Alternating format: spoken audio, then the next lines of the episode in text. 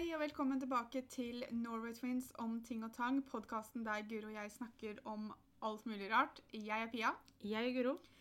og i dag så skal vi ha en episode der jeg skal snakke en del om oppholdet mitt på Cato-senteret. Jeg var der i november, men først så for de som ikke helt har fått med seg hvorfor det var nødvendig å dra dit, så tenkte jeg skulle bare oppsummere litt. Jeg har snakka om det i tidligere episoder. Vi har videoer på det på YouTube-kanalen vår hvis dere har lyst til å se det. Det er Norway Twins, og da har du oppdateringer fra Pia i flere varianter eh, hvis du har lyst til å vite enda mer. Men det som skjedde, var at i januar og mars 2020 så ble jeg operert. Først så ble jeg operert i januar. Da tok jeg en gastric bypass-operasjon. Og følte meg ikke veldig bra etter den i den forstand at jeg ble veldig mye kvalm. Jeg kasta ikke opp så mye, men jeg var mye kvalm. Og så i mars, eh, midten av mars, så eh, tok jeg en operasjon til der de fjerna galleblæra mi, og så endte de også opp med å fikse et stort navlebrokk som jeg har hatt i mange år. Den operasjonen kom nok litt tett innpå eh, operasjonen i januar, og resulterte i at jeg blei veldig, veldig dårlig, og jeg kasta opp fryktelig mye. Eh, mye mer enn det jeg hadde lyst til, og kasta opp rundt 20 ganger om dagen. Så fort jeg tok en svelg med drikke eller fikk i meg noe mat, så kom det opp igjen. Og ringte Kalnes et par ganger, men da hadde koronaen kicka inn for fullt. Og fikk beskjed om at dette hørtes ikke akutt ut, så jeg burde, trengte ikke å komme inn fordi at de prøvde jo å minske andre tilfeller på sykehusene. De sa jo også at det virka veldig normalt, da, for det var veldig mange som reagerte sånn når de prøvde å spise og sånn. Ja. Jeg tror ikke de helt skjønte hvor mye du faktisk kasta opp. Nei. Uh, og, og jeg skulle jo vært flinkere til å presse mer, men, men jeg hørte jo bare på hva de sa. Mm. Um, ikke det at det, det, det her er ikke dømmers skyld, det er ikke det jeg mener. Uh, etter 14 dager med å være veldig veldig dårlig i form og kasta opp og ikke fikk i meg mat, så opplevde jeg at bena mine slutta å funke. Eh, jeg liker å beskrive det på den måten, for jeg vet helt ærlig ikke hvordan jeg skal si det på noen annen måte. Eh, heldigvis så var mamma her. Og det som skjedde var at jeg skulle flytte meg så enkelt fra en spisestol og over i sofaen, og endte opp på gulvet fordi at bena bare ga etter. Og jeg kom meg ikke opp, for jeg hadde ikke styrke i bena til å komme meg opp. Og da endte jeg på legevakta, og så endte jeg på Kalnes. Og så, etter fire dager, så ble jeg, kom jeg hjem igjen, for da hadde jeg blitt operert på nytt, for de fant en væskeansamling bak navlen min, som ble hovedfokuset til Kalnes. Så de glemte bena mine litt. Grann. Så de sendte meg hjem igjen. Og igjen her så skulle jo jeg stått på mitt og sagt at ja, men vi har jo ikke sett på problemet jeg er her for. Mm. Uh, men jeg kom hjem, og etter en tre dagers tid til da, så endte jeg tilbake på legevakta, for da ble bena mine enda verre, tro det eller ei. Og da endte jeg opp på Kalnes igjen, og da lå jeg der en uke. Og tok alt mulig rart av tester og mm, små procedures, som de kaller det i USA. Og ble til slutt overflytta til Per Gynt helsehus her i Moss for rehabilitering. Em, de konkluderte med at problemene kom pga. underernæring og vitaminmangel. Fordi jeg hadde ikke fått i meg noe form for næring i det hele tatt. Altså du mista rett og slett bare musklene i beina, liksom. Mus de ble borte. Altså de, kroppen jo, brukte jo det som reservelager. Mm. Um, og jeg skulle på en måte sett det komme, for både mamma og Guro og jeg kommenterte for bena mine så ut som fyrstikker. Det så ut som at, at det, der jeg mista vekta som jeg skulle gå ned fra gastric bypass-operasjonen, at alt forsvant i bena først, for de blei så tynne og rare. Mm. Eh, men jeg har jo, sitter jo ikke med noe kunnskap som kunne hjelpe meg til å skjønne at kanskje det, det betyr at musklene mine forsvinner. Um, så, så de, på grunn av de ikke fant noe av det de kalte medisinske grunner, da, så var det konklusjonen som kom. Og jeg lå på Per Gynt helsehuset i nesten seks uker, var det vel. Og måtte trenes opp på nytt. Og jeg klarte ikke å gå, så jeg satt i rullestol i førsten, og så kom jeg meg over på det som heter prekestol, det som, en elektrisk prekestol. Eh, og så, rett før jeg kom hjem i mai, midten av mai, så gikk jeg over til å gå med rullator, og den gikk jeg med ganske lenge. Altså det som er at det tok jo Pia ja, si to-tre uker da, å Mm. miste alle musklene i beina.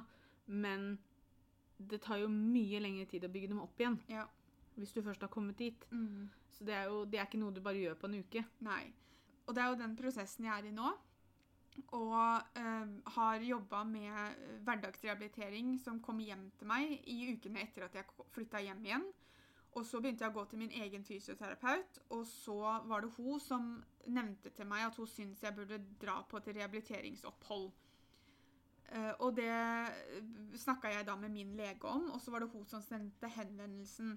Eh, og vi søkte på Cato-senteret og på Jeløy kurbad. Eh, men pga. korona og antageligvis bare De har vel lang ventetid ellers også, vil jeg tro.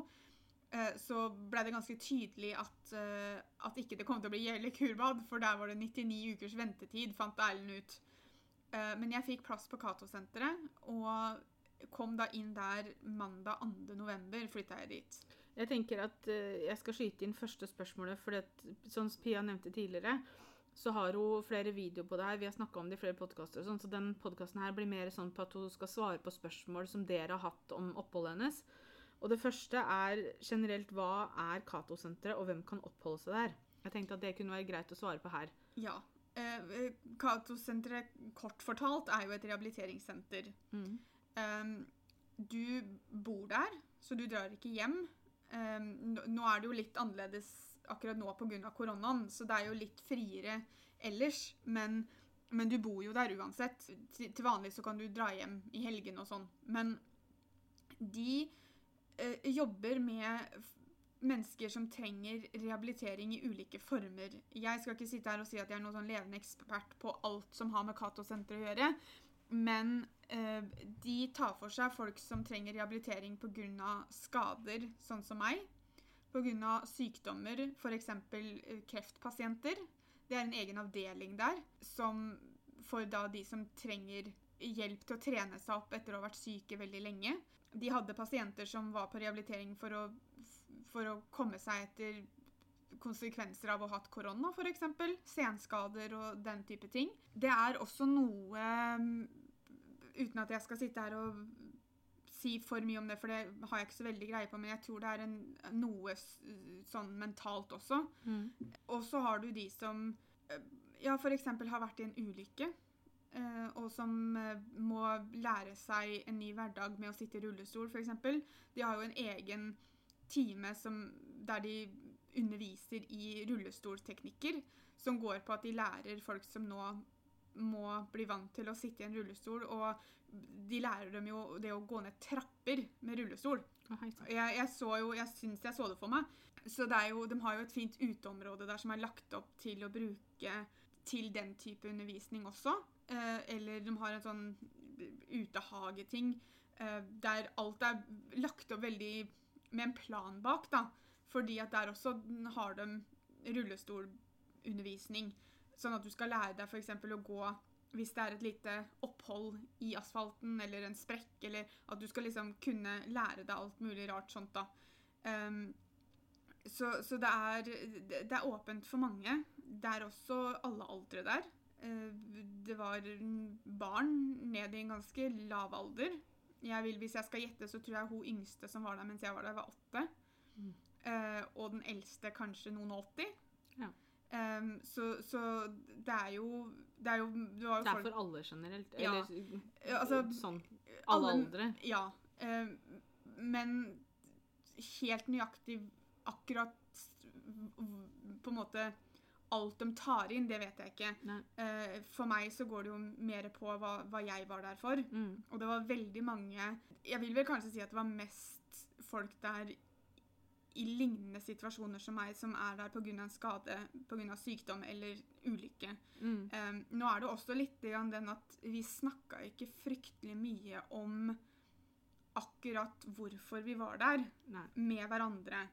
Vi blei råda til å ikke gjøre det. Ok. Eh, Det er ikke det at det ikke er lov, men vi ble råda til å ikke gjøre det, fordi at veldig ofte så kan du sette deg litt fast i det negative, Mm. og så blir du, sitter du og snakker veldig negativt, og så kan det påvirke andre, eller det å sitte og høre på andre som snakker om noe negativt hele tiden, kan, at det kan påvirke hverandre på en negativ måte.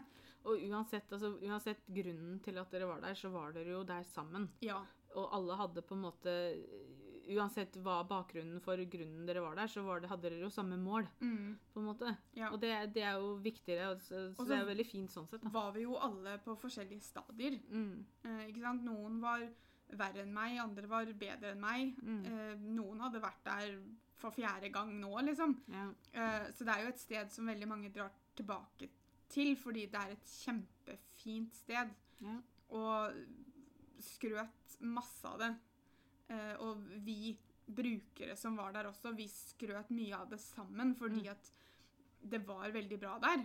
Eh, selvfølgelig så har du de som sjelden kan bli fornøyd med alt, som ja. gikk og klagde fordi vi ikke fikk varmmat når det var strømbrudd, liksom. Det, da, da, da er det litt vanskelig å få, få varmmaten til å bli varm når Ja. man ikke har strøm. Det hvis ikke man tar på bål. så selvfølgelig så har du jo de som skal klage på noe hele tiden. Men, ja. men uh, hovedsakelig, i hvert fall de jeg snakka mest med, var veldig veldig fornøyd. Det er også en som lurte på om du kunne si litt en sånn typisk, hvordan en typisk dag så ut. da. Nå er det, jo, det er jo veldig individuelt hva noen, noen trenger når man er der. Ja, jeg, jeg kan snakke om hva som var en typisk dag for meg. Mm. Det starta med at du sto opp til frokost. Eh, frokosten var vel fra halv Nei, fra kvart over sju til ni, tror jeg frokosten var. Nå tør jeg ikke helt sikkert å si akkurat tidspunktet, for det har jeg glemt. Ja, for dere fikk fast Pga. korona så fikk vel dere faste vinduer som dere kunne spise i? Ikke til frokosten, men okay. til lunsjen og middagen så ble vi delt inn i eh, tider som det, det og det bordet helst skulle gå og spise. Du okay. kunne gå utenom, Ja. men de liksom anbefalte oss da. Eh, men til fro jeg sto som regel opp og spiste frokost. Da sto jeg opp kvart på åtte, og da var jeg og spiste frokost sånn rundt åtte. Mm. Da var det ikke like mye folk der, fordi at det var noen, noen ganger så starta jo eh, dagen din allerede halv ni. Ja. Og da spiste du jo helst frokost litt tidligere. Og det gjorde jo jeg også på de dagene som jeg starta tidlig. Mm. Som regel når jeg hadde svømming, så starta det klokka ni. Så det, rundt ni var som regel da jeg starta. Mm. Uh, men jeg sitter med en timeplan foran meg, for jeg, hver uke så fikk du en timeplan for uka. Så jeg kan jo ta for meg en tirsdag, f.eks. Da hadde jeg det som het felles vanngym fra ni til kvart på ti. Og felles vanngym var Da hadde du en instruktør som var i bassenget sammen med deg. Vi var ikke veldig mange av gangen pga. koronaen, så holdt de timene små. Mm. De, spesielt fellestimene var små grupper. Og som regel faste. At det var Jeg så de samme menneskene til hver time. Mm. Um, ikke bare hver svømmetime, men hver treningstime. Så som regel jeg trena sammen de samme hele tiden. Og det igjen var pga. koronaen. Og da var det som sagt til kvart på ti. Uh, jeg syns svømminga var utrolig fin trening. Og det var utrolig deilig å være i bassenget. Det er et varmtvannsbasseng, så det var jo fantastisk deilig. Eh, og det var fin trening fordi jeg fikk brukt bena mine på en normal måte i forhold til hva jeg klarer når jeg er på land. Eh, Så jeg fikk brukt muskler som ikke jeg får brukt til vanlig. Eh, Men det gjorde også at når jeg kom opp av bassenget, så var bena mine helt gelé, så jeg måtte bruke rullatoren til og fra bassenget fordi at jeg sleit veldig når jeg skulle tilbake til rommet mitt. Eh, Og pga. koronaen også så dusja vi på rommet, så vi gikk jo i morgenkåpa til og fra eh, bassenget, fordi de ville helst ikke at vi skulle bruke garderoben felles. Mm. Og neste jeg hadde på tirsdager da, var, var lunsjen klokka 11. Fordi at jeg trengte hviletid mellom timene. Det Ja, og- Jeg kunne ikke gå fra én time til en annen, bare smakk, smakk. Ja. Jeg gjorde det noen ganger, men veldig ofte så fikk jeg kanskje alt fra en halvtime til en times hvile. Eh, og det også er jo veldig individuelt, ut ifra hva du trenger og hva eh, kroppen din klarer. Um, Uten at jeg har vært der, så må jeg jo si det at jeg syns de er veldig flinke til å se hver enkelt mm, sitt behov, da. ja. At det at de på en måte ikke satte opp deg med ting rett etter hverandre, sånn hvis det var ting du ble spesielt sliten av, f.eks. Mm. Det at man faktisk går så grundig inn i hver enkelt mann sitt behov, ja. er jo veldig, veldig bra. Og det som det sto felles foran, det var heller ikke obligatorisk. Okay. Så hvis du blei hvis, du, hvis det var en dag du ikke orka noe, så kunne du kutte det ut. Mm. Um, og det var jo en av de tinga som jeg ikke helt uh, hadde forestilt meg at det kom til å være. Jeg trodde jo Mm. det kom til å være litt mer sånn militærleir. Um, men, eh, men da hadde jeg da lunsj, og lunsjen var fra 11 til 1. eh, og min gruppe da, skulle helst spise fra 12 til 1. Mm. Um, så da hadde jeg jo jeg litt Men da måtte jeg jo dusje pga. at jeg hadde vært i bassenget, så da tok jo det litt tid. ikke sant? Så da var det litt greit å ikke ha noe rett etterpå. Så hadde jeg det som het felles styrkesirkel. Igjen da så leser jeg bare én setning av gangen, men på tirsdagene så hadde jeg felles styrkesirkel fra 11 til kvart på 12. Fordi Eh. du spiste klokka tolv? Ja. Ja. Um, så derfor så Etter at jeg hadde vært i bassenget, så hadde jeg litt tid på å dusje og sånne ting. Og så eh, hadde jeg da styrkesirkelen fram til lunsjen, egentlig. da, For da Mm. gikk jeg som regel rett derfra til lunsjen. Eh, selv om det var et kvarter igjen, så var ikke det noe problem. Og styrkesirkel var en av de morsomste timene jeg visste. Den syns jeg var veldig, veldig morsom. Er det sånn sirkeltrening sånn som du hadde i gymmen på skolen og sånn? Ja, du har stasjoner, ikke sant? og så Ja. er du på én stasjon, og så går du til neste, og så hører du på musikk, og så uh, Så jeg syns det var veldig, veldig morsomt. Så fra ett til halv to så hadde jeg trening med idrettspedagog. Hun het Nina. Hun hadde en, i en del av disse fellestreningene også. Uh, og det vi gjorde eller det jeg gjorde med idrettspedagogen, var å ta for oss den litt mer morsomme treninga. Eh, fokuset vårt var å finne noe som jeg kanskje kan begynne å holde på med som en hobby nå når koronaen eh, har roa seg litt og ting åpner litt mer igjen. Ja, for da var det bare deg og hun. Da var det, da var det bare meg og hun. Mm. Eh, og da, eh, den ene gangen, så boksa vi. Og så spilte jeg badminton. Og så var vi ute og spilte frisbee golf. Vi dansa salsa. Og det var vel de fire tinga vi tok for oss, hvis ikke jeg husker helt feil. For jeg tror vi spilte badminton to ganger. Og det var, sånn, det var bare morsomme ting. Mm. Eh, og det, det var veldig, veldig gøy å prøve masse forskjellig. Mm. Salsaen da, Jeg tror kanskje salsa-teamen var den som var morsomst, fordi at det var vel ingen av oss som var nødvendigvis de beste danserne. Så var, vi kom litt ut av det begge to, men det var veldig, veldig gøy, da. Og så eh, innimellom så hadde jeg også det som het samtaler med hun som var primærkontakten min, som var sykepleier. Eh, noen ganger så var det en målsamtale, andre ganger så var det en eh, samtale om eh, hva som skjer etter oppholdet. Altså, det var veldig mye bra oppfølging der. Og det er jo eh, Det også er en veldig positiv ting at du ser disse menneskene som er på teamet ditt, da, for du har team. Mm. Og det er de menneskene som står for din rehabilitering. Så du hadde, jeg hadde en idrettspedagog, sykepleier, som også var primærkontakten min, og fysioterapeut. Og det var mitt nærteam, da. Så det var de som hadde ansvaret for min trening. Og så var det jo selvfølgelig an innom andre instruktører og andre folk også. Mm. Men at du hadde det som het et nærteam, da. Fra halv tre til kvart over tre så hadde jeg felles avspenning med en som het Peter.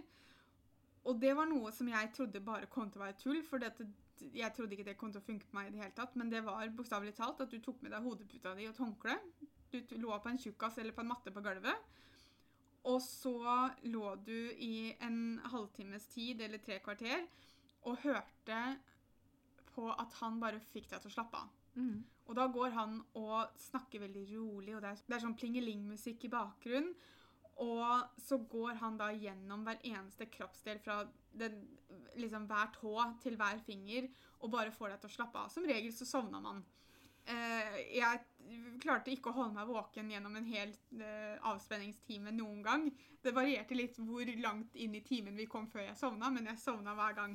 Og det var så deilig. Og jeg likte på tirsdagene så likte jeg det, for hadde, det var siste timen jeg hadde. Mm. Så det var en veldig fin avslutning. På fredagene så var det andre timen jeg hadde. eller noe sånt, og så bare Ja. sånn, Skal jeg slappe av allerede?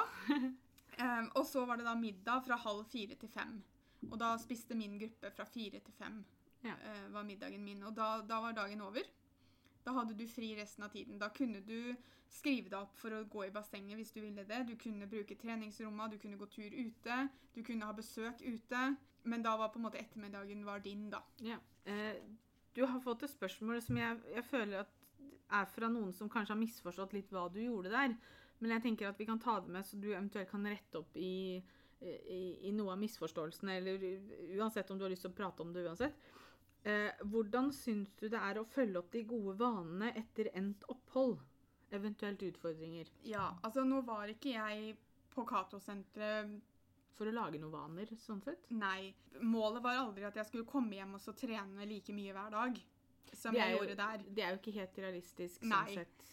Det er jo derfor jeg dro på rehabiliteringsoppholdet, var jo Mm. for å få en periode med hardtrening. Ja. Um, I forhold til når jeg bare går hos fysioterapeuten. Jeg skal jo fortsette å gå, gå til fysioterapeuten her hjemme, Mm. eh, hos min egen fysioterapeut. Jeg har fått et treningsopplegg av fysioterapeuten på Cato-senteret som jeg gjør her hjemme også. Og, for det er det som er så fint, at det er øvelser jeg faktisk kan få til å gjøre hjemme. Mm. For nå har jeg vært i en litt sånn karantenesituasjon med fysioterapeuten min, for hun måtte i karantene. Så jeg har jo hatt da ting å gjøre her hjemme. Uh, og jeg har eh, spesifikke øvelser, sånn som det å reise seg opp fra gulvet-øvelser, som jeg også gjør her hjemme. For jeg føler at Det er jo de eneste vanene du fikk Ja, der. sånn så sett. det er jo vanene, men, men, men jeg vet ikke om jeg vil kalle det en vane mer enn en nødvendig trening, Mm. oppgave, f- fordi at jeg må fortsette å trene opp bena mine. Det at jeg kom ut fra Cato-senter, betydde ikke at jeg var bra i bena igjen. Jeg har fortsatt en jobb å gjøre. Eh, Så, så, men jeg tror kanskje at noen har misforstått og trodd at jeg har vært der pga. vektnedgangen. ja. eh, Og pga. gastric bypassen og det å liksom få en livsstilsendring med tanke på mat og sånn. Mm. Og det var ikke derfor jeg var der. Um, så, så, så veldig mange vaner Altså, det å bli glad i trening Mm. Har jeg jo egentlig vært helt siden jeg måtte begynne å trene pga. prolapsen i ryggen i 2018. Mm. Så, den eneste vanen er jo det at man skal fortsette å trene. Ja. Men ikke like mye, selvfølgelig. For Nei. som sagt, det er ikke helt realistisk. Og, og ikke helt på samme måte heller, holdt jeg på å si. fordi at når bena mine blir bra igjen, så vil jeg jo begynne å trene på et treningsstudio. Men Mm. også pga. korona så har jeg, frister ikke det veldig enda. Nei. Så jeg klarer meg fint med de øvelsene jeg har her hjemme.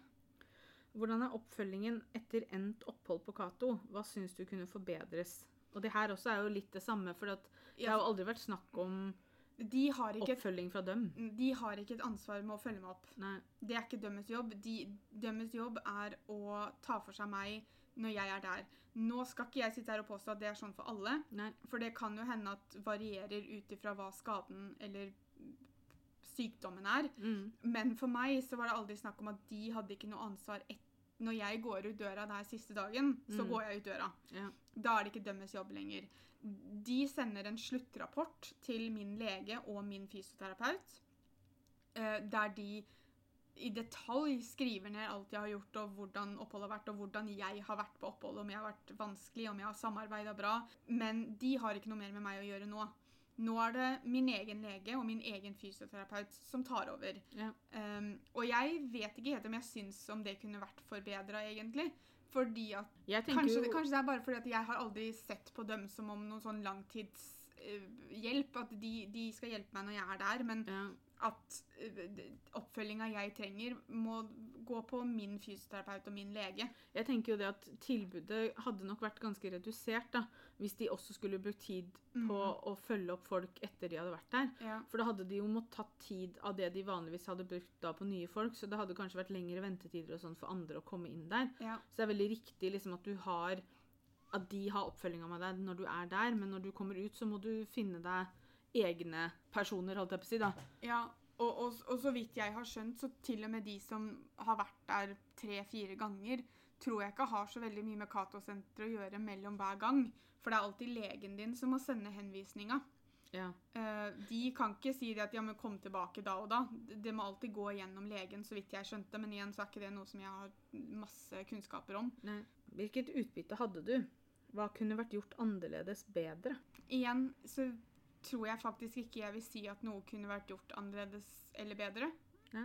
Um, fordi at jeg sitter igjen med en så positiv uh, opplevelse fra hele greia. Mm.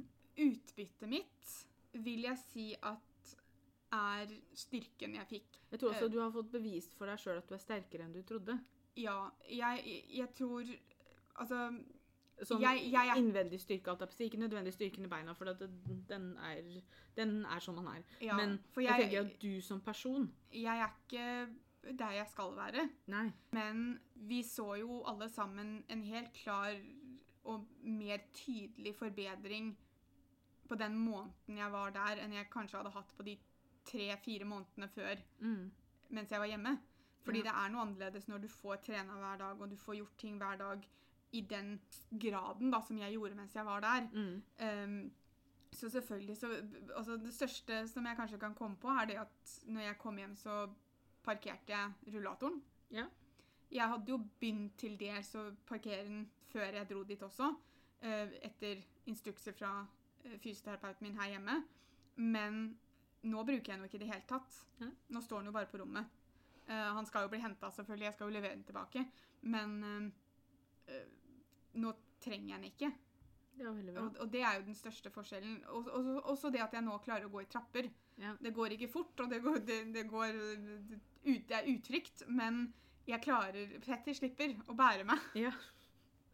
Eh, så er det to spørsmål som går litt sånn inn i hverandre, føler jeg. For det eneste er liksom hva var det morsomste som skjedde på oppholdet, mens det andre er beste og verste med oppholdet. Morsomste tror jeg var fellestreningene. Mm. Uh, fordi du trena, og du, det var en Stemninga i rommet når vi hadde treningstimene, var veldig, veldig morsomme. Mm. Um, og selvfølgelig det å bli kjent med folk og det sosiale der var jo også veldig morsomt. Selv om det var litt begrensa pga. koronaen. beste med oppholdet var jobben jeg fikk gjort med bena mine og meg selv. Mm. Og det verste med oppholdet var at koronaen herja, så det var veldig strengt med tanke på besøk og sånn. Ja. Selv om jeg var heldig og hadde besøk av dere ganske ofte, Mm. men vi måtte jo holde oss ute. Dere kunne jo ikke komme inn, så det ble jo kaldt for dere å være Ja. der. Pluss at det ble jo et lite problem med det at man fikk jo ikke lov til å gå inn og låne doen engang. Og når man er gravid og må tisse hvert, hver halvtime, så, så var det til slutt at det må, gjorde at vi måtte dra hjem, liksom. Var for at jeg måtte tisse. Mm. Og, jeg, jeg- og, og, og så er det også Og det har jo ikke noe med Cato-senteret å gjøre, noe med opphold å gjøre egentlig i det hele tatt, men, men det at dagen etter jeg kom dit, så fikk jeg jo beskjed om at bestefar hadde blitt veldig syk. Ja. Så det hang jo litt over meg hele veien. Det at Mm. bestefar var veldig syk, og vi fikk beskjed om at han Det gikk liksom mot slutten. Ja. Eh, det Cato-senteret skal ha der, og det er en av de tinga som jeg liker å skryte mest om, er at oppfølginga jeg fikk av det, var helt utrolig. Jeg sa ifra til primærkontakta mi dagen etterpå om at det foregikk, fordi det påvirka meg jo selvfølgelig. Mm. Og jeg, var, jeg hadde et par dager rett etter det som jeg var veldig veldig lei meg hele tiden. Uh, og hver kveld så kom kveldsvakta innom og spurte om det gikk bra med meg. Og spurte om jeg trengte å prate om noe, om det var noe jeg ville gjøre sammen med dem. Om de skulle gå en tur med meg i gangene, liksom.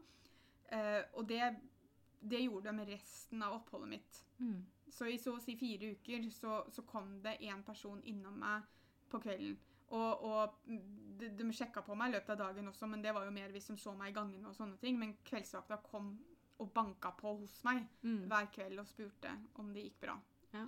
Og det satte jeg veldig pris på, men det også Jeg ble overraska, for at det, jeg visste ikke at det var noe de gjorde når det ikke hadde noe med skaden min å gjøre. Nei.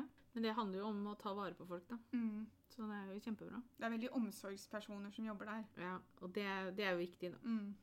Hva var det viktigste du lærte? Litt det Guro sa i stad, at jeg er sterkere enn jeg tror. Ja. Og at jeg får til mer enn jeg tror. Og det tror jeg var veldig viktig for deg å lære òg. Mm. Fordi at eh, det er ting vi har sagt til deg hele tiden. Men jeg tror det var veldig viktig at du så det for deg selv. Ja, jeg fikk, fikk litt bevis på det, da. Mm. Hvilke tre råd vil du gi til noen som skal på Cato-senteret? Hør på teamet ditt. Og da mener jeg ikke la deg presse til å gjøre ting du ikke klarer. Det er ikke det jeg mener, for det gjør de ikke heller. Men du må være forberedt på å lytte og høre på hva de sier til deg. For de har litt mer peiling på kroppen din, da. Mm. I den forstand at de, de, de, de Altså, jeg har ikke noe medisinsk bakgrunn. Jeg vet ikke hvordan musklene i kroppen min fungerer. Nei. Så når fysioterapeuten sier en ting til meg, så må jeg i hvert fall prøve. Mm. Og det går litt over på råd nummer to, og det er å ikke si nei før du i hvert fall har prøvd. Eh, fordi de kommer til å sette deg på timer som du kanskje tenker at vet du hva, det her tror jeg ikke er noe for meg. Og det var timer som ikke var noe for meg. Mm. Blant annet en time som het medieyoga. Det var ikke noe for meg. Nei. Men jeg var på den én gang, og så så jeg at nei, dette er ikke noe for meg. Og da gjorde jeg noe annet isteden. Eller når jeg ble satt opp på felles klatring, eh, så tenkte jeg nei, det her er ikke nødvendig. For det første så har jeg kjempehøydeskrekk, og for det andre så er beina mine altfor svake til det her. Og jeg klarte det. Eh, det tok flere forsøk, og bena mine du når, når jeg faktisk kom meg på toppen, så måtte jeg ligge fem minutter på tjukkasen etterpå, for da måtte hun bare legge meg ned der. Men mestringsfølelsen jeg fikk fra å klare å klatre til toppen av en fire meter høy klatrevegg, levde jeg på i mange dager etterpå. Ja. Eh, fordi at det var noe jeg hadde allerede bestemt meg for at det kom jeg ikke til å klare. Mm. Men så prøvde jeg, og så prøvde jeg en gang til, og så prøvde jeg enda en gang, og så prøvde jeg enda en gang, og så på femte gangen så kom jeg på toppen. Um, og det var jo ikke på samme timen, det var jo over to, to forskjellige dager. Men at man, man må, spesielt når man er i en sånn situasjon, så må man være villig til å prøve. Og du kommer ikke til å få til alt, og det er helt greit. Du skal ikke få til alt. Fordi at du er i den situasjonen du er i, og det er helt ok å ikke få til alt. Men prøv, for da For det første så kan du si til deg selv men i hvert fall så prøvde jeg. Kanskje jeg får det til om to uker, da. Mm. Ikke gi opp helt, men får du ikke det til første uka, så kanskje du får det til siste. Og tredje rådet mitt er vel egentlig bare å bruke oppholdet for alt det er verdt. Ikke bare treninga eller den medisinske delen eller den profesjonelle delen, men bruk det at du er på et sted sammen med mennesker som, om de ikke er i helt samme situasjon som deg, så er de i en nok lik situasjon til at fellesskapet du får der, og fellesskapet du plutselig er i, der du ikke blir dømt for noen ting, og der de kanskje ikke skjønner akkurat skaden din, men de skjønner hvordan du har det. Mm. Eh, og nå snakker jeg om brukerne seg imellom, er kanskje noe av det mest positive jeg opplevde. Og jeg sier ikke at jeg har møtt mye negativitet og mye eh, på en måte misforståelser, men det skjer jo. Og Ja. det er liksom de som har den der greia med at ja, men herregud, du, du går jo nå, da er du, grei, da er du frisk, da. Mm. Ikke sant? Eh, som ikke skjønner hvor mye energi da, og konsentrasjon jeg må bruke for å klare å gå. Mm. Um, så, så, og, og for å være helt heldig, å få fire ukers pause fra det var veldig, veldig deilig. Ja. Uh, det å ha folk som står bak deg, som heier på deg, og som skryter av deg, og som klapper deg på skulderen når de går forbi deg i gangen fordi noe du gjorde på den timen for en uke siden, som de fortsatt liksom pepper deg opp med, da, er eh, virkelig, virkelig noe alle burde ha. Fikk du deg venner der? Noen du har kontakt med i ettertid? Ja, jeg har kontakt med noen. De jeg har mest kontakt med, er de jeg satt på bord sammen med. Av koronaen så fikk vi faste sitteplasser i kantina. Mm. Så du delte jo bord med faste mennesker. Um, så de som jeg satt på bordet sammen vi var tre stykker, men hun ene dro jo hjem to uker før jeg skulle, nei, en uke før jeg skulle hjem, så, så vi fikk jo en ny en på bordet. Uh, så det er tre personer som jeg har, har kontakt med fortsatt. Forventninger til oppholdet sammenlignet med hvordan oppholdet ble. Hvis dere husker episoden vi la ut, jeg tror det var rett før jeg dro, eller noe sånt nå, eh, så var jeg jo veldig nervøs. Og jeg var veldig ikke, jeg, vil, jeg vil ikke si at jeg var negativ til det, men jeg var Du hadde litt merkelig, usikker. altså, du hadde litt merkelige forestillinger om hva det kom til å være. Ja. Det tror jeg jeg hadde òg. ja. Men det var liksom sånn det var vel, Når vi kjørte dit, så var det sånn Å, det var snakk om skogsturer. Jeg vet ikke om jeg klarer å gå i skogen. Må jeg bare vente der, da? Ikke sant? Og så er jeg bare sånn, altså De kommer ikke til å la deg stå igjen i skauen mens de går videre på tur. Nei. Altså Hvis de ser at du ikke kan gå på tur i skogen, så tar de deg ikke med i første omgang. på en måte. Mm. Altså, Så du hadde, det var mye sånne rare I- Jeg, ha, frykter, da, for å kalle det det. jeg nevnte det så vidt i stad. Jeg hadde en rar greie med at jeg trodde jeg skulle i en militærleir. Ja. Jeg trodde det kom til å stå en trener ved siden av meg og på en måte presse meg og presse meg og presse meg og presse meg og Mm. hyle og skrike om at ta fem til, ta fem til, ta fem til. um, Isteden så ble du møtt uh, av en start på hver eneste fellestime som sa det at Gjør det dere orker. Mm. Får du ikke til den øvelsen vi gjør, så gjør en annen variant, variant av den som du får til. Eh, orker du bare åtte repetisjoner istedenfor tolv, så gjør du åtte. Det var, ikke sant? At, Mm. Jeg tror det var kanskje der den største vrangforestillingen min lå. Ja. At hva de ansatte kom til å gjøre mot meg. Men der også tror jeg jo også korona ødela litt. ikke sant? Fordi at vanligvis når ikke det er korona, så får dere jo en sånn informasjons... Så er, sånt, eller så er man på et sånt informasjonsmøte der. Ja, du, du får omvisning og stæsj. Ja, ikke sant? Mm. Og da hadde du hatt mye mer informasjon om hva som kom til å skje. Nå hadde du bare hatt en kort telefonsamtale om ting du måtte huske å ta med deg og sånn. Eh, og hvor de nevnte sånn generelt hva som ble gjort, blant annet denne skogsturen da, ikke sant? Mm. Uh, sånn at det- var jo korona også som kanskje satte litt Eller ikke hjalp til akkurat da, når det gjaldt dette med å liksom ikke helt vite hva du gikk til. Ja, for det, det var jo veldig ukjent for meg, fordi at det her var jo et helt annet rehabiliteringsopphold enn det jeg hadde på Per Gynt helsehuset. Mm, For der, var jo, der hadde jeg jo én time trening om dagen, ja. ikke sant? Så det her er jo et helt annen type rehabiliteringsopphold. Så jeg, Mm. det er som du sier, at jeg visste jo ikke hva jeg gikk til. Nei. Og da Og da man- har hodet mitt det med å leke litt med fantasien, ikke Ja. sant? Så jeg har med å forvente det verste. kunne du tenke deg flere opphold. Absolutt. Håpet mitt er at jeg skal få et opphold til eh, i løpet av våren. Eh, det kommer jeg bare til å ha godt av. Det kan hende det blir to opphold òg. Det kommer jo litt an på hvordan forbedring jeg har i bena. Eh, men jeg skal absolutt søke om et opphold til. Det skal jeg. Hvordan utbytte hadde du av oppholdet mentalt? Forandret det perspektivet, tankesettet? Ja.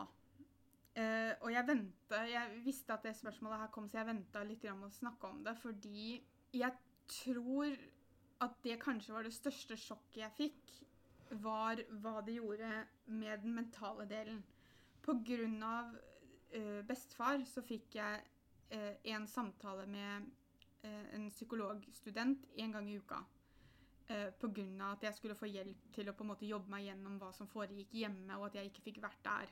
Det jeg også innså, eh, takket være litt egne refleksjoner, men også hjelp fra psykologen og fysioterapeuten og de andre, eh, var at jeg fikk frustrasjonsknekken min mens jeg var der. Og jeg trodde på en måte egentlig bare det at jeg hadde blitt et bedre menneske, og øh, trengte ikke å ha det sånn. Uh, og at den frustrasjonen, at jeg var så forberedt på at den frustrasjonen den kom ikke fordi at jeg var så veldig innstilt på at min rehabiliteringstid kom til å ta lang tid, og at jeg visste at jeg kom til å bli frisk en dag, så jeg, så jeg trengte ikke å være frustrert over situasjonen jeg var i. Ehm, det som har skjedd, og noe av det som vi da virkelig tok tak i, både med fysioterapeuten og med ho, sykepleieren og med psykologstudenten, var fordi at jeg sto plutselig og var kjempesinna. Og var kjempefrustrert. Og ikke på andre, selvfølgelig. Jeg tok det ikke utover på andre, men Mm. på meg selv. Og på situasjonen jeg var i. Og det gjorde meg kjempelei meg. Litt fordi at jeg var lei meg for situasjonen jeg var i, men også lei meg fordi at jeg tenkte at dette skulle jo jeg hoppe over. Jeg skulle jo ikke ha det sånn. Nei. Så jeg Og det, det var vel Jeg tror jeg hadde vært der et par uker. Det var, ja, jeg tror det var tredje uka som det her skjedde. Det, det skjedde en søndag. Uh, for jeg husker når det kom. Det bare kom sånn vaskende over meg som om bølger skulle prøve å slå meg og renne på stranda. Og etter en, en lengre samtale med sykepleieren og fysioterapeuten, og litt sånn eh, det at jeg fikk muligheten til å tenke litt over det sjøl òg, uten at noen skulle fortelle meg hvorfor jeg følte det sånn, at jeg kunne få lov til å Mhm. komme fram til det sjøl, så innså jeg at situasjonen jeg kom i, og det at det var korona som gjorde at jeg, når jeg lå seks uker på P-Gynt, at ikke jeg kunne ha besøk av dere, Mm. eh, gjorde at dere ikke fikk lov til å være der for meg på samme måte som dere hadde vært ellers. Mm. Eh, noe som gjorde at jeg ble veldig opptatt av å holde den positive maska, fordi at jeg ville ikke at dere skulle føle på at dere ikke fikk vært der for meg. Mm. Og jeg, jeg sier ikke det for å skylde på dere, det Nei, er ikke det jeg mener, men det er, det er tankeprosessen jeg har hatt hele veien, har vært Mm. at jeg må være positiv, jeg må snakke mer om det positive fordi at mamma Guro og Petter og vennene mine skal ikke føle på at de ikke får vært der og heia på meg, eh, stått ved siden av meg, Mm. eh, gått sammen med meg, vært på besøk for å muntre meg opp. Så jeg kan ikke vise at jeg er lei meg. Jeg kan ikke vise meg Det skal sies at du lurte ikke meg. Neida, men For jeg hadde en samtale med mamma om Det var i løpet av tredje uka, fordi hun, du hadde jo snakka med hun Du ringte hun og fortalte at du hadde fått den frustrasjonen. mm, Eh, og så fortalte hun det til meg, og da sa jeg det at eh, det Altså, fordi at jeg kjenner jo deg ganske godt, da. eh, Ja. Føler jeg. Jeg føler også at jeg kan lese deg ganske godt. Eh, og det jeg sa til mamma en gang som vi var på vei ut til deg, var det at jeg tviler ikke på at Pia har hatt det bra, og jeg tviler ikke på at Pia har fått noe ut av det oppholdet her. Jeg tviler ikke på at hun har det fint. Men så jæsla fint er det ikke. nei. Fordi jeg skjønte på For det ble så Å, det er så flott. For allerede første dagen så var det sånn Å, rommet er fint, og, og alle er så hyggelige her, og, og opplegget er så fint, og, og liksom for hver uke så var det liksom Å, det var så flott, og, det var liksom Oi, oi, oi, ikke sant? Altså, det var så, det var så veldig sånn ha, ikke sant? Og jeg var sånn Ja, ja, kjempefint. Og så hadde ikke jeg lyst til å være sånn Øy, så fint kan det ikke være. Men det sa jeg til mamma, at jeg tviler ikke på at hun har hatt det bra, Mm, men det har ikke vært så bra som hun har gitt uttrykk for til oss. mm, Fordi at jeg tror hun nå på en måte prøver å stoppe Eller at hun ikke vil Hun har ikke lyst til å si hvis hun syns det er vanskelig innimellom, fordi at hun hun har ikke lyst til å fortelle det før eventuelt hun kommer hjem, fordi Mm. at det, hun er der. Hun er på en måte fast der. mm. Um, Og jeg hadde jo hatt det sånn siden jeg endte på Kalnes første gangen. ja. Fordi at det var jo på en måte nesten enda verre. Mens jeg lå på Per Gynt Mm. for på Cato-senteret, så kunne dere i hvert fall besøke meg lite grann. ja. Det kunne dere jo ikke på Per Gynt. Uh, så jeg hadde gått i den boksen ja. så lenge. Eh, til og med når jeg kom hjem, så har jeg jo ikke vært Altså, jeg har jo sagt ifra at ting er slitsomt, og at jeg har det At det er vanskelig, liksom. Det er ikke det. Mm. Dere har jo visst det. Men jeg har også vært veldig fokusert på at jeg har det vanskelig, men jeg har det ikke så vanskelig. Ikke sant? At det, Nei, det går og- greit, og jeg klarer meg, jeg. Altså, jeg skjønner jo også den der greia med at man skal kanskje prøve å Sånn som de, de sa til dere, da, med at eh, dere ikke burde kanskje diskutere akkurat hva som hadde skjedd med hver Mm. enkelt. og sånn. At man kanskje skal prøve altså, At du heller da kanskje skal jobbe litt med å tenke på det som var positivt med oppholdet. Ja. Men allikevel så skal du få lov til å synes at det er vanskelig, og at det er Mm. frustrerende, og at det er tungt. Det er fullstendig lov. For Ja. det er Altså, alt er ikke positivt hele tiden. Nei.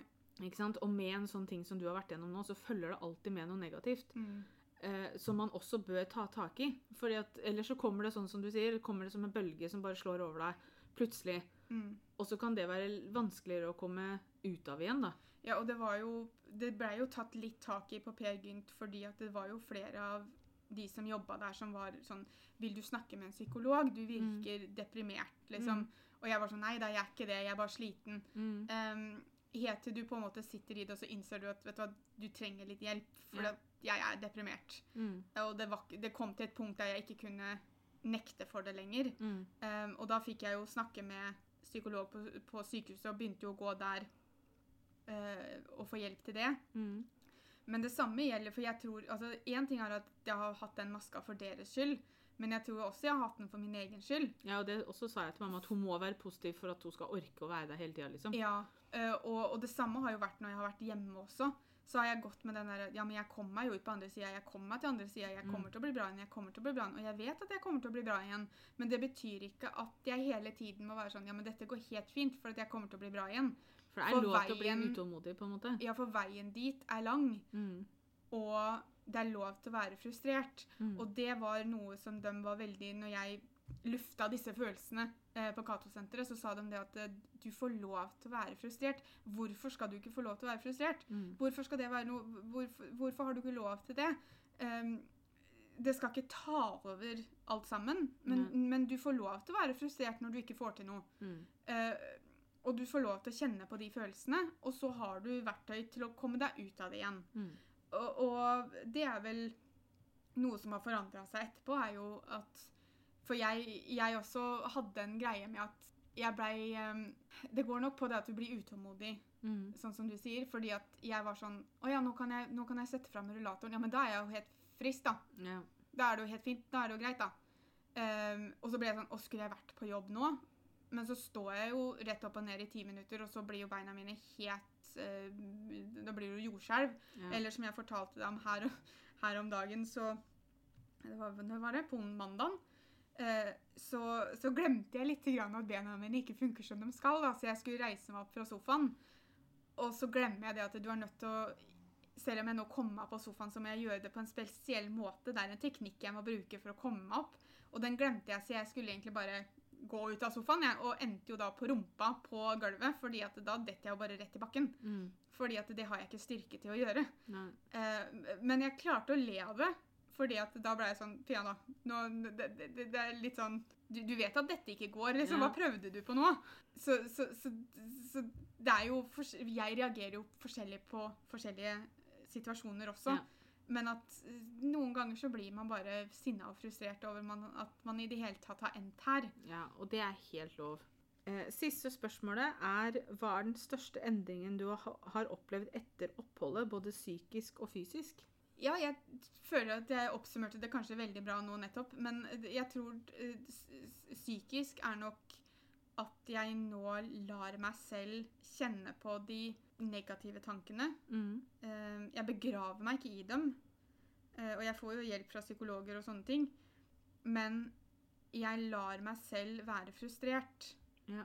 Og jeg lar meg selv akseptere at det er lov til å være utålmodig. Mm. Og at, man skulle, at det er lov til å skulle ønske at man hadde kommet til den andre siden allerede. Fysisk så tror jeg på en måte det at jeg faktisk kunne sette fra meg rullatoren, var en stor seier. Ja. For den blei jo en del av meg. Mm. Eh, og det var jo en, la oss kalle det tungvint del av meg, fordi at det, var, det tok plass, og det var liksom få den inn av bilen og ut av bilen. og eh, så, så det at jeg kunne parkere den, var en stor seier for meg. fordi at da følte jeg at ok, vet du, nå er jeg kommet hit. La oss si at man har etapper. da. Det er stafettetapper, så har du fire et etapper. Mm. Og jeg føler vel at kanskje jeg nå har kommet til etappe tre. Ja. Um, og at etappe to var å bli kvitt rullatoren. Og det betyr ikke at ikke bena mine er svake, eller at jeg må ta mye pauser når jeg går, eller, men at det er jo noe helt annet, for jeg har, jeg har fått bedre balanse, blant annet. Da, for det også Mm. var jo en av de store tinga vi jobba med, var jo balansen min. Mm. For når du har et hjelpemiddel som hjelper deg å gå, så, så slutter du å belage deg på din egen balanse. Ja. Uh, så jeg gikk jo som en full fyr. Så jeg, for jeg skjena jo så veldig. Jeg gikk jo ikke på rett linje. Jeg gikk jo så, jeg, så var vi litt til høyre, og så var vi litt til venstre. Mm. Um, så nå går jeg jo mye rettere. Jeg har ikke den derre vaiinga. Um, så det er jo og, og, Så jeg føler at utbyttet mitt er jo massivt. Ja. Og det er mye sånn småting som det er vanskelig å sette fingeren på at ja, dette har blitt bedre, dette har blitt bedre, men du Mm. merker det når du må bruke det, holdt jeg på å si. Ja, ja. Eh, og du merka det underveis.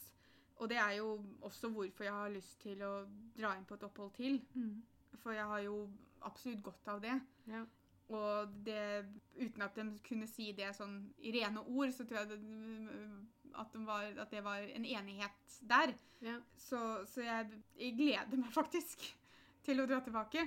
Ja. Eh, og jeg vet at jeg nå har sagt pga. korona så kunne jeg ikke sånn og sånn. For jeg, jeg vil avslutningsvis nevne det at jeg tror at jeg har hatt litt positivt utbytte av at koronaen var der mens jeg var, var på Cato-senteret. Yeah. Jeg sier ikke at jeg ikke vil at koronaen skal bli borte, det er ikke det jeg mener. Nei, nei. Men det at jeg ikke kunne reise hjem i helgene, Mm. Det at jeg ikke kunne forlate stedet på hverdagene på ettermiddagen for eksempel, og dra inn til Son eller finne på ting sånn sett, for det kan man jo gjøre. Man kan jo gå ut og spise ellers. Mm. Eller liksom etter at det faste er over, så kan man jo gjøre egentlig hva man vil. Mm. Eh, unntatt at man sover jo selvfølgelig der. Men det at ikke jeg kunne det, gjorde at jeg hadde fire uker der jeg skulle 100% konsentrere meg om meg. Ja. Jeg hadde ikke distrasjonen med at, at jeg dro hjem i helgene. Eh, Jeg hadde ikke det at jeg kunne ordne og styre på, på ettermiddagene. Eh, Jeg kunne konsentrere meg om meg, og det er ikke noe jeg er kjempeflink til ellers. Nei. Så sånn sett så var det egentlig veldig greit. Mm. Fordi at jeg had, noen hadde tatt valget for meg at nå skal du konsentrere deg om deg og ditt, Mm. og du skal bli bedre. Ja. Og så kan du legge bort alt det andre. Det valget ble tatt for meg. Mm. Så jeg hadde egentlig ikke noe valg. Det er jo det, det er lov til å synes at det var litt greit, da. Ja, og det, og det har jeg jo sagt til dere òg. Ja, Jeg har ikke lagt skjul på det. Nei. Eh, Selv om jeg satte veldig stor pris på at dere kom og besøkte meg, fordi at helgene og sånn blei jo veldig lange. Men det er jo mer sånn OK, så var vi hos deg en time, halvannen, liksom, da. Mm. Og så var det veldig fint at dere hadde med dere mat innimellom, for maten var utrolig god der. M variert Altså, det var veldig få ganger jeg satt og sånn åh, det, det her likte jeg ikke. Nei. Men det var noen fiskeretter som ikke falt helt i smak, og da tok Urodo med seg mat til meg, og det satte jeg pris på. Ja, og det er liksom Men det er på en måte Det var kanskje si én til to timer da, av dagen din. Så det var, det var, og vi var jo bare der, så det var liksom ikke sånn at vi Vi, vi fikk jo sett deg, Mm. men allikevel så fikk du konsentrert deg allikevel, liksom. Ja. Og dere var jo hos meg hva da, to ganger i uka? Ja, det ble vel det. Det var kanskje Det var vel én uke dere var der tre ganger, tror jeg. Ja. Men, eh, men nei, se, nei bare, bare positivt. Og det, jeg kan ikke skryte nok av stedet og hjelpa jeg har fått. Og jeg, alle har selvfølgelig sikkert ikke samme erfaringa som meg, men jeg kan bare snakke ut ifra min egen erfaring. Ja, Og jeg har, sitter med en veldig, veldig positiv måned på Cato-senteret bak meg, og Mm. håper at jeg sitter med en måned foran meg òg Mm. en eller annen gang snart. Tusen takk for spørsmåla dere kom med på Instagram. Det her gjorde det lettere å egentlig prate om det, for da, vis, da hadde vi konkrete ting. For det er veldig vanskelig å skulle oppsummere en måned sånn og ikke glemme noe. Yeah. Men jeg føler at nå fikk jeg snakka om det i hvert fall dere ville vite, da. Mm. Så tusen takk for at dere har hørt på. Kom tilbake søndag om to uker. Da kommer det en ny episode, og så snakkes vi. Ha det! Ha det.